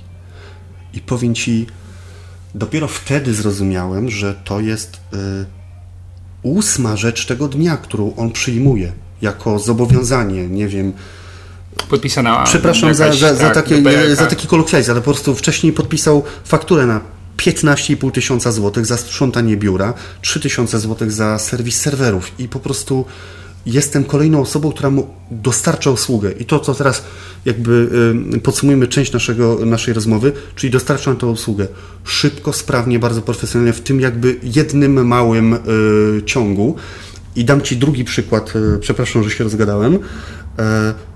Ostatnio wręczałem kontrakt, też właśnie z tego segmentu, i klient zadał mi następujące pytanie. Powiem Ci, że tak cennego pytania od klienta to już dawno nie słyszałem. Wręczam kontrakt, odwróciłem, zaczynam jakby jeszcze raz, zawsze na wręczaniu pokazuję zakresy, y, jakby y, ta, ta decyzja musi być ugruntowana i musi być jakby w pełni świadoma. Ja jeszcze raz muszę mieć potwierdzone od klienta, że wie, że y, te 2200 y, to jest składka miesięczna, a nie roczna. Y, no chcę mieć jakby, trochę jako pedant, chcę mieć pewność, że swoją robotę wykonałem dobrze. Pada pytanie od klienta, na którego wypada płatność? Otwieram dokumenty. Na 18. A dlaczego pan pyta? No bo to będzie któraś z rzędu rzecz, która schodzi na polecenie zapłaty z tego konta i wolałbym uniknąć takiej sytuacji, że jestem na rozmowach, a pan do mnie dzwoni e, o coś, co miało być załatwione. E, ale doskonale rozumiesz, co teraz do Ciebie powiedziałem, natomiast rozkładając na części pierwsze, zajeżdżam do człowieka, który zaprosił mnie pozwoleniem, czyli podpisem pod poleceniem zapłaty, że jestem kolejną rzeczą, która będzie schodzić z tego konta. Czyli to nie jest tak, że to będzie te 2200, tylko to będzie już 27200, bo do tej pory schodziło 25 tysięcy na i teraz te, to, to, co ja Ci mówię, to sedno, na te 6-7 usług, które ten człowiek zakupił. A ja mam być osobą, która prowadzi z nim interesy i w sposób etyczny i bardzo profesjonalny dostarczyła mu usługę ubezpieczeniową, a o sprzedaży polisy tutaj nie ma w ogóle, w ogóle mowy. W ogóle mowy. Ani tam z jakiej firmy jesteś. Tak, i, tak. I że, i w, ogóle, i że w ogóle ta firma, słyszeli, że ta firma się sprzedaje i... i, i, i, i tak. Też takie e, legendy słyszałem. E, ale wracając jeszcze na chwilę do wyglądu, e, czy Twoim zdaniem warto mm, wyglądać lepiej niż obecny Twój poziom dochodów? Jeżeli chcemy dotrzeć do tych i skutecznie przekonywać tych klientów. No bezwzględnie tak. No Czyli tak, na różne rzeczy możemy brać kredyty, tak, w cudzysłowie eee, kredyty, tak. Na, czy czy tak. warto inwestować w swój ubiór w tym zawodzie? Eee, Wy, ubiór, wygląd, tak? Mhm. To, to jeszcze nie tak, tylko tak, no bo to jest jakby dwie, e, dwie różne e, dwie różne... Pytam, bo wielu ludzi docierających mhm. do, do, do segmentu premium, których ja spotykam, czy mhm. na szkoleniach, czy na konsultacjach, czy na przykład na rozmowach takich jak z tobą, chociażby Danusia, z którą wcześniej prowadziłem rozmowę, no ich y, wygląd jest topowy. Faktycznie to są ludzie, którzy wyglądają jak człowiek sukcesu. to podam Ci dwa przykłady, które jakby sami klienci z informacji zwrotnej dali do mnie, co mi jakby dało informację, że idę w dobrym kierunku. Mhm. Kiedyś od klienta wychodząc usłyszałem następujące zdanie, już skończyliśmy wszystko, żegnamy się przy samochodzie i powiedział do mnie tak, widzę, że Pan dobrze zarabia. I to jest y, według mnie komplement. Tak? No tak, rozumiem. Taki Całe jakby jedno zdanie, prosty. Y, y, ja tylko powiedziałem grzecznie dziękuję. Nawet nie pamiętam, czy jakby zaskoczony nie powiedziałem, że to się panu należy jako klientowi, bo, bo tak normalnie bym powiedział, ale to było jakieś takie, nie wiem, przy bagażniku tak hop że, że, że głowa mała. Natomiast jedna z klientek, która jest na bardzo wysokim stanowisku, gdzieś chyba w Radzie Nadzorczej, Powiedziała mi jakieś takie bardzo cenne zdanie. Hmm. Możemy tak szczerze, kawa No pewnie. No mówi do mnie, ja bym panu chciała taką dać radę, hmm, jak to będzie, pan się może obrazić, normalnie tak rozmawiam, pan się może obrazić, e, e, to, to e, ale ja chciałbym panu dobrze życzyć, bo, bo jestem bardzo zadowolona ze spotkania i chcę pana przestrzec przed przed błędami, które Pan może zrobić? Czy jakby Panu mogę zwrócić na to uwagę? I, i ta cała otoczka była tak długa, że ja już naprawdę no zacząłem tak. sobie yy, wiesz, co ja zrobiłem, film, co ja że zrobiłem. to będzie zaraz. Ja mówię, dobrze, to mówię, to Pani Krystyno, mówię się tak. To ja się zgadzam, ale jeżeli się okaże, że to za bardzo wchodzi we mnie, jest takie za bardzo inwazyjne, toksyczne, to umów się tak, ja się zgadzam, ale mam prawo powiedzieć stop, mam prawo, no, no dobrze. I tak jakby sobie zawarliśmy taki kontrakt i i ona mówi do mnie tak. E, zanim pan zrobi taki błąd jak mój mąż e, i kupi sobie terenowe auto za 350 tysięcy złotych i e, będzie pan się męczył z leasingiem po 7 tysięcy złotych miesięcznie, z taką żyłką na czole, dosłownie tak pokazałbym zszokowany, bo to jest jakby nasza handlowa, handlowy slogan, a nie kwestia rozmowy. tak, tak, to jest klientem. To musi Pan zrozumieć jedną rzecz. Do klienta się wchodzi. A do klienta wjeżdża. się nie wjeżdża.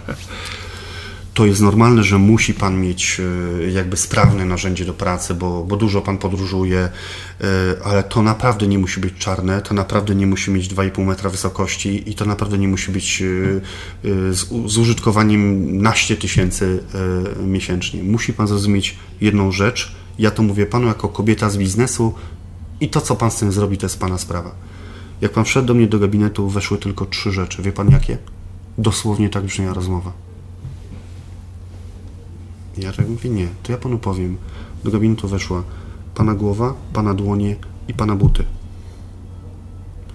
Musi pan mieć w głowie ekspercką wiedzę, bo inaczej nie będę miała. Yy, nie będę chciała z panem rozmawiać, tak? Bo jako klientka mam wymagania E, ja muszę widzieć, że e, Pan nie robił wcześniej e, wykopek ziemniaków, że to coś, czym Pan pracuje, czyli dłoń, że to jest dłoń jednozawodowca. I jak Boga kocham, cytuję, proszę sobie polecieć do Anglii, kupić parę par angielskich butów, wziąć nawet na to kredyt 10-15 tysięcy, ale jak Boga kocham, żadnego suwa za 300-400 tysięcy. Proszę nie robić tego błędu. I teraz to, co wspomniałeś, że y, tych ludzi, których widziałeś, to jest jakby y, y, ich wygląd jest, określasz ich mianem ludzi sukcesu, tak? Ale przecież my pracujemy sobą, swoją wizualnością, więc jakby to jest dla mnie tak rzecz oczywista. I teraz mm, mm, zauważ to przewartościowanie. Ktoś powie, no ale to jest snobizm, że ktoś zacznie w to To jest drogie. Czyli. No wiesz co, nie wiem, czy nie większym snobizmem jest zakup auta no, za 300 tysięcy. Więc czy snobizmem jest y, rata 7 tysięcy, czy y, y, czy snobizmem jest y, y, rata y, za 7 tysięcy auta, które i tak będzie za 6 lat warte 20% tego, co mm -hmm. zostało zakupione, mm -hmm. bo inwestycja w swoją głowę i w swój wygląd to są rzeczy na lata one y, jakby się nie amortyzują w dół. Tak. Tak. tak. One, one tylko procentują, więc e, dzisiaj klient e, no klient według mnie tego wymaga.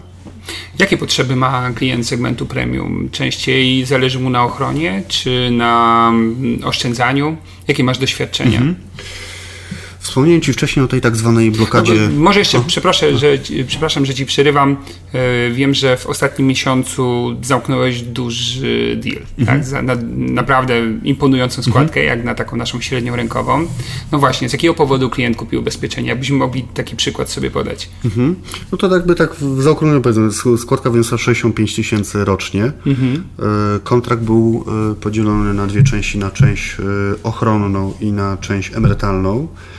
E, no i może też jakby rozbierzmy troszkę na czynniki pierwsze. Skąd te potrzeby, w jaki sposób e, doprowadziłem? No bo jakby o to pytasz, w jaki sposób ten kontrakt tak, powstał. Tak, i może z jakiego powodu po stronie po klienta potrzeb mhm. nie, do, dokonał takiej decyzji? Dokładnie. Mm, pierwsza rzecz, o której mi się klient jakby przyznał, co jest też wynikiem pokazania ogromnego zaufania, tak? Czyli, że w tym wieżowcu E, nie dosyć, że nie byłem od początku e, ani na parterze, ani nie zjeżdżałem do piwnicy, tylko ustawiliśmy się na podobnym poziomie. E, klient zaczął spotkanie od tezy, że każda kwota jest do wydania. Co miał na myśli? Że od lat się oszukuje, że oszczędza. Ale to tak w ogóle bez Twoich y, pytań, sam z siebie. No tak na początku, wiadomo, przywitaliśmy a, się. A, poczekaj, to jeszcze muszę to hmm. zadać to pytanie. A jak do niego dotarłeś, w sensie z polecenia, rekomendacji? Osoby, którą, której ufa, szanuje. Tak, którą zna, okay. Czyli tak którą zna jakby, Definitywnie no, idealnie. Tak? Definitywnie tak? modelowo, Modelowo, modelowo, okej. Okay. E, y ja po prostu zacząłem ten temat kontynuować, ale co pan przez to rozumie? No i jakby zaczęło się, że yy, gdy gdzieś wyjedzie yy, i zaczął sam o tym mówić, to koszt paliwa wyjazdu gdzieś, gdy pojadę z rodziną, to jest 500 zł, mm -hmm. to jest 800 mhm. zł, mm -hmm. jakby on zaczął sam budować obraz, że te yy, naście tysięcy na życie bieżące jest jakby rzeczą normalną od lat. Czy to, że nie jesteś gadułą, pomaga w takich sytuacjach? Oczywiście. Ja tylko no co pan przez to rozumie, tak? Masz też takie doświadczenia, że czym więcej myślisz, tym więcej klient się rozgaduje? 10 e, lat temu e, naprawdę tak dobrego klienta, mm, który miał dla mnie miał dla mnie, miał jeszcze w czasie przeszłym bezcenne kontakty w telefonie. Ja go tak niemiłosiernie zagadałem tą swoją profesjonalną wiedzą i go tak oblałem tym wszystkim, że już miałem naprawdę wrażenie, że jakby y, no dłużej ze mną nie wytrzyma i spotkanie jakby się skróciło, więc y, mm, no cisza jest kluczowa jeżeli okay. chodzi o takie kwestie. Okay. Wróćmy do klienta, o którym zaczęliśmy rozmowę, czyli tak, zaczął opowiadać Ci o tym, że wydaje na paliwo, że nie kontroluje swoich e, tak. wydatków. Mhm. Mhm. I, I tak naprawdę w jakim kierunku e, e, cała, cała jakby idea tej, tego kontraktu premium mm, poszła. Klient zasygnalizował, że musi być przymuszony do oszczędzania i to była ta część emerytalna, ale ma określone wymagania co do gwarancji tej części, jakby pomysłu na ułożenie tych e, aktywów, tak to określmy, bo to już nie są składki, to nie są fundusze, dla, dla takiego klienta tutaj w głowie. Część ochronna była wzajemnym zabezpieczeniem wspólników, w tym przypadku małżeństwa, mhm. w razie sytuacji, e, gdyby nagle jednego zabrakło, czyli bardzo wysokie pakiety wypadkowe oraz ta jakby blokada dochodu, czyli to, o czym już wspomniałem, że, że, że to Ci rozwinę. E, w tym segmencie szczególnie rozmawiam o tak zwanej blokadzie dochodu. To nie wiem, czy to jest mój autorski pomysł. Tak no właśnie, a rozwiń, czasem... rozwiń określenie blokada dochodu. E, dziś klient, który jest zdrowy, i generuje duży dochód, ten dochód przyprowadza kolokwialnie do domu na konto bankowe. Ten dochód za nim przychodzi.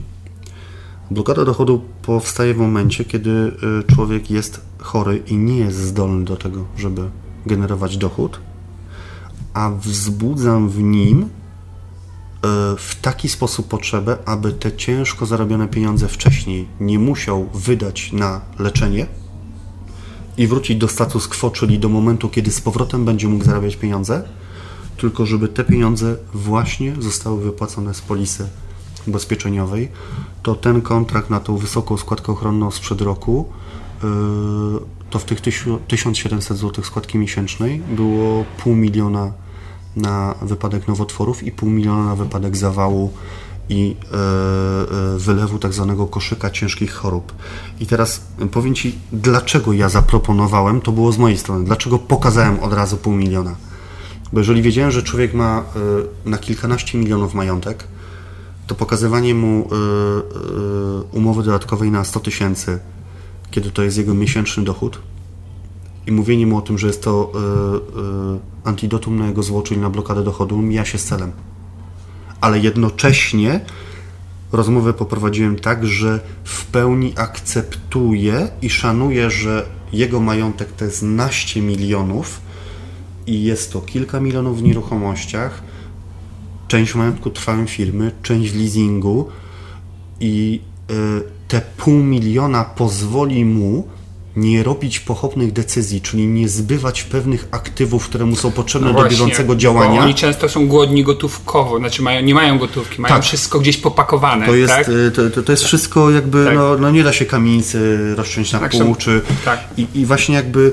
Mm, I powiem Ci, że ja to, tego się zacząłem uczyć i według mnie tu też jest klucz do sukcesu, że ja mu z pokorą pozycjonuję siebie, po pierwsze, jako, wróćmy, partnera do prowadzenia interesów, partnera, który mu dostarcza usługę ubezpieczeniową, która mu nie zaburzy pomnażania majątku.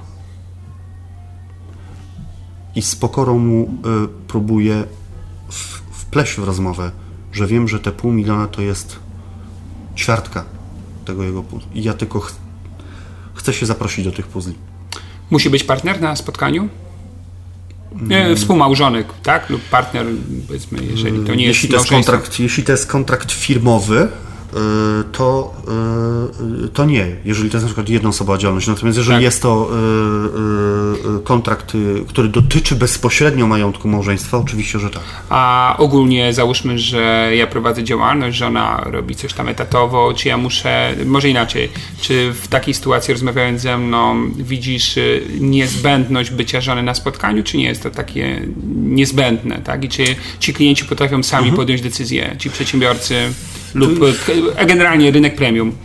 Mm, no pytanie właśnie yy, przedsiębiorca z segmentu premium, kim jest po godzinie 17? Czy jest dalej tym takim w domu premium, czy już może takim tym premium jest niekoniecznie? Niekoniecznie. No jeżeli jest niekoniecznie, to doprowadzę różnymi metodami do spotkania z żoną, gdzie żona postawi kropkę nad... Czyli to się przydaje, żeby tak, byli obydwoje. Się, znaczy można, oczywiście, że można zamykać bez e, e, żony, ale jakby pewnym równouprawnieniu. Nie róbmy tak, że to zawsze żona jest tym jakby mniej ważnym elementem, bo często jest tak, że żona jest bardzo wysoko dochodową osobą w małżeństwie. Znaczy żona albo mąż, bo rozumiem, no, że no, kobiety, po... Y, rynek premium to też są e, to często jest, klienci, to tak? Tu nie ma tak, tak, e, rozróżnienia płci. E, tak, więc ja, ja, tylko do czego zmierzam. Mhm. Mm, zmniejsza to procent upadawalności, bo jeżeli mówimy, że segment premium to jest segment bardzo dojrzewający i stawiający kropkę nad i, i trwający, to właśnie to małżeństwo, e, czyli e, zaproszenie żony, e, daje tą blokadę upodawalności, tak? A powiedz mi, ten klient, który, no rozumiem, skoro mówimy o takiej składce, jest klientem dobrze zarabiającym lub zamożnym, czemu zdecydował się na oszczędzanie bo to jeden z elementów tej polisy, mhm. tak? Na polisie, tak? Bo zazwyczaj Aha, słyszę często rozumiem. od doradców, że mają ci klienci lepsze pomysły na oszczędzanie. Jasne. No, to jest jednak... podstawowa obiekcja klienta premium. E, tak. Ja te pieniądze Lepiej wiem, jak tak, pomnożyć tak. i tak dalej. E, to Nieruchomości. Jest... Tak. tak, to jest ta, ta, ta druga rzecz, której jakby... No a tutaj po prostu on tak sam z siebie chciał, czy musiałeś go jakoś przekonywać, a jeżeli to, e, co go przekonało? Część, część chciał, bo jakby uciekał od rozrzutności. Aha, czyli to, że polisa jest takim uporządkowaną tak, formułą oszczędzania. Że nie jest przy mhm, ścianie mm -hmm. i że koniecznie chce składkę miesięczną. O.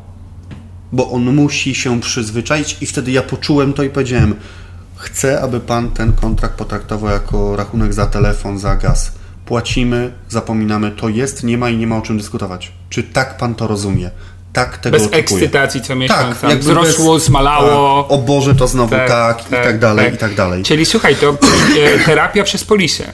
No terapia na przykład nadmiernych kosztów. No, można tak klientowi sprzedać, no, że tak polisa ma działanie terapeutyczne, buduje mu nowy nawyk oszczędzania, który normalnie no, trudno samemu sobie zbudować. Natomiast y, Adam, jeszcze y, powiem Ci jakby moją metodę pracy, którą wypracowałem. Nie do końca jej musiałem używać przy, przy akurat zamknięciu tego kontraktu, ale y, używam ją przy rozmowach z klientami z segmentu premium. Ja to nazywam tak zwaną spiralą kosztów. Y, kiedy klient zaczyna mi uciekać, że jak on kupi następną maszynę za milion, to zarobi 6 milionów i że jakby temat y, y, fina, y, pieniędzy na przyszłość to jest w ogóle temat, możemy porozmawiać o ochronie, ale tamte tematy to w ogóle nie wchodzą w grę. E, zaczynam odwracać rozmowę w następującym kierunku. Mm, Proszę mi powiedzieć, dzisiaj tak jak siedzimy u Pana, duża firma, 20-30 osób, tak było od początku? Czy tak jak większość przedsiębiorców, zaczynał Pan od tak, tak zwanego przysłowiowego garażu od zera? No oczywiście, że tak nie było. To yy, tak by szło z biegiem lat, czyli z biegiem lat Pan inwestował, dochodziła konkurencja, Pan z powrotem inwestował. E, no musiałem. Mówię, a nie chcę wchodzić w Pana życie prywatne, żeby Pan nie myślał, że jakby przyszedłem tutaj nie z tej pozycji, z której Pan oczekiwał. E, tak jak będzie Pan miał 70, to też tak będzie Pan wstawał o 5 do, do tej pracy tak na 17 godzin? Też tak Pan będzie gonił? A do czego Pan zmierza? No tak bardzo chce Pan tą spiralę kosztów w firmie rozpędzać, bo ja też jestem przedsiębiorcą i układam tą pozycję. E, każdy dochód będzie y, dawał obowiązek generowania po Pana stronie kosztów, aby pracował Pan dla siebie, a nie dla Urzędu Skarbowego. I teraz to jest naturalne, y, że ta spirala kosztów y, rozwija przedsiębiorców, bo na tym polega wolny No rynek. jasne. Ale przyjdzie taki moment, że stanie Pan przed decyzją. Y, Dla dzieci sprzedać, sukcesja. E, mm, Czy Pan widzi dzieci w swoim biznesie? Czy one się w ogóle tym interesują? Ja mówię, może warto e, i, i naprawdę e, kiedyś się tego bałem, ale teraz mówię e, otwartym językiem. Może warto, że jeżeli Pan ma 20 pracowników, czyli wydaje Pan, nie wnika w Pana politykę personalną, 60 tysięcy złotych na wynagrodzenia, 20 tysięcy złotych na ZUSy. I jak doliczymy wszystko, ma Pan kosztów 200 tysięcy. Proszę mi nie pokazywać pitu, mnie nie interesują Pana obroty, to jest Pana prywatna sprawa. To może warto te 2000 y, zacząć kumulować z boku.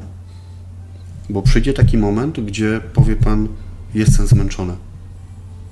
I żeby, jak ja to używam takie zdanie, nie obawia się Pan, że wygaszenie Pana firmy będzie zbyt kosztowne i pochłonie część majątku, którego Pan się dorabiał przez 20 lat? Czyli fajna metoda pokazać, że koszt polisy w stosunku do innych kosztów, jakie ponosi klient, jest procentem Zaczynam lub promilem tych marginalizować. kosztów. Mhm. Zaczynam marginalizować, bo e, leasing, paliwo, to wszystko, to, to nie jest, e, e, jakby zaczynam się pozycjonować, bo to co mówiłeś, że są pewne stereotypy o branży, Tak.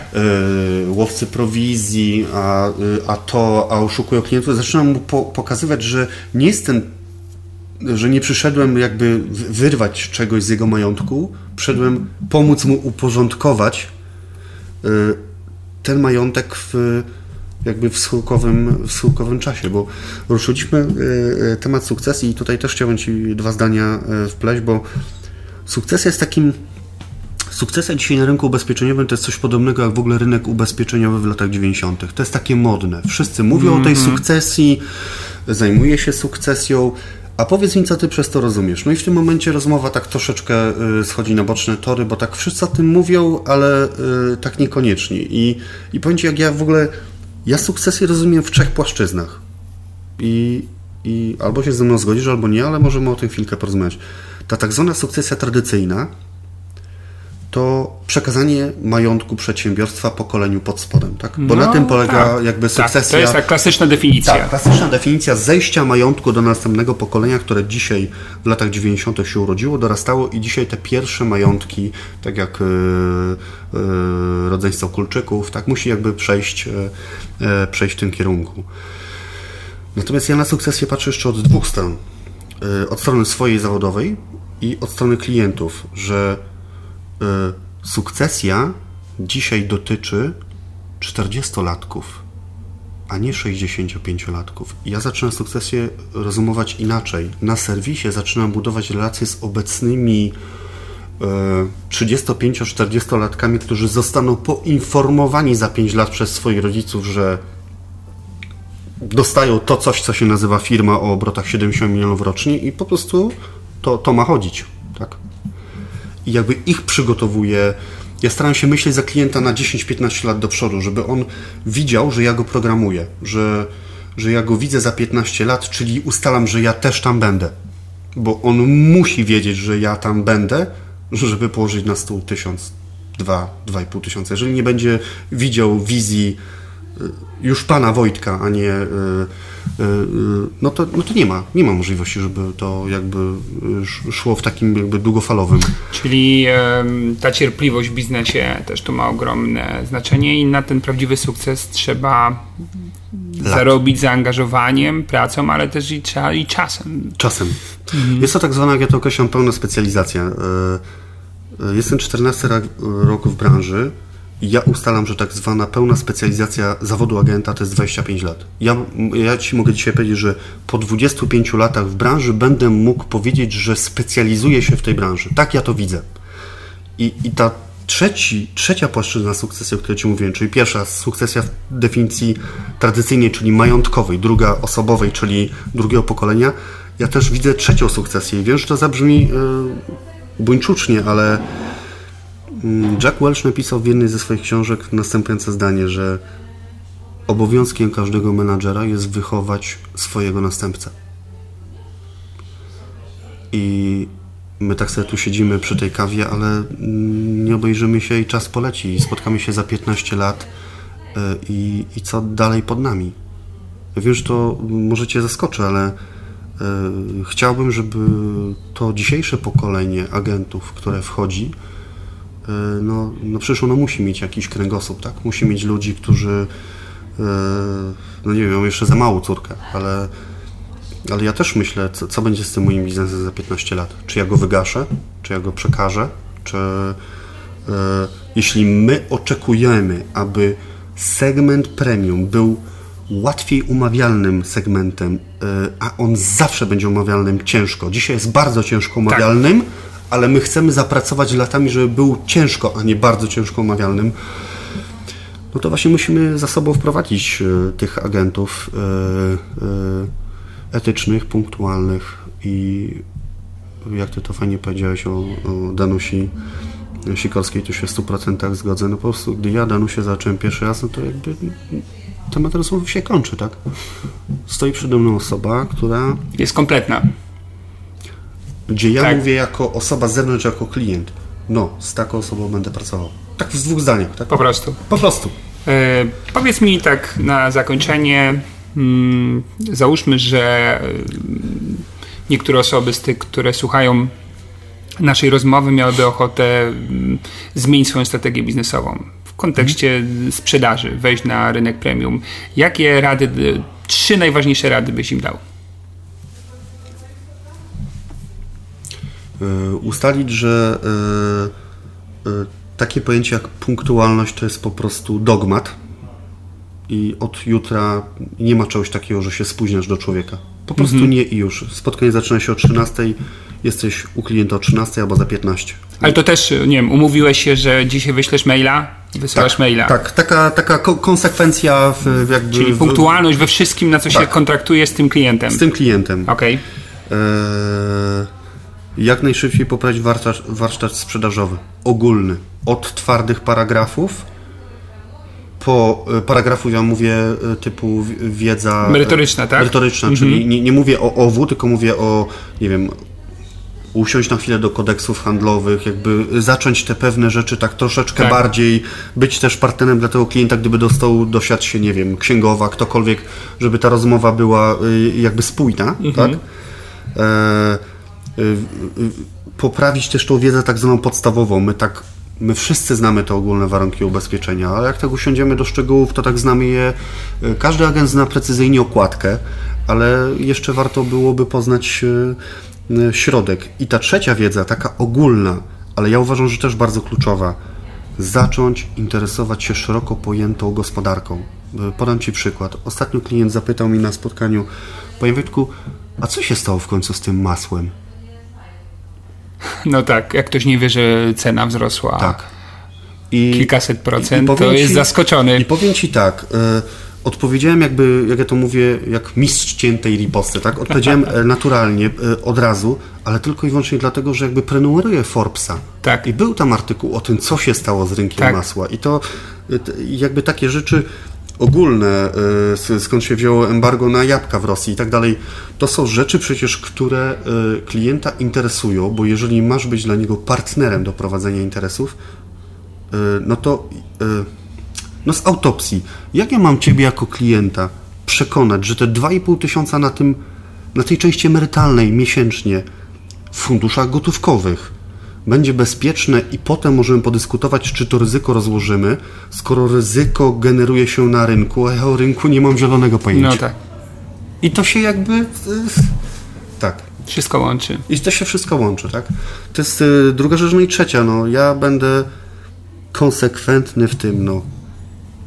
Koń jaki jest, każdy widzi. E, Determinacja w działaniu z klientem, czyli ta uczciwość y, niedeklaratywna tylko faktu, wiedza, wygląd.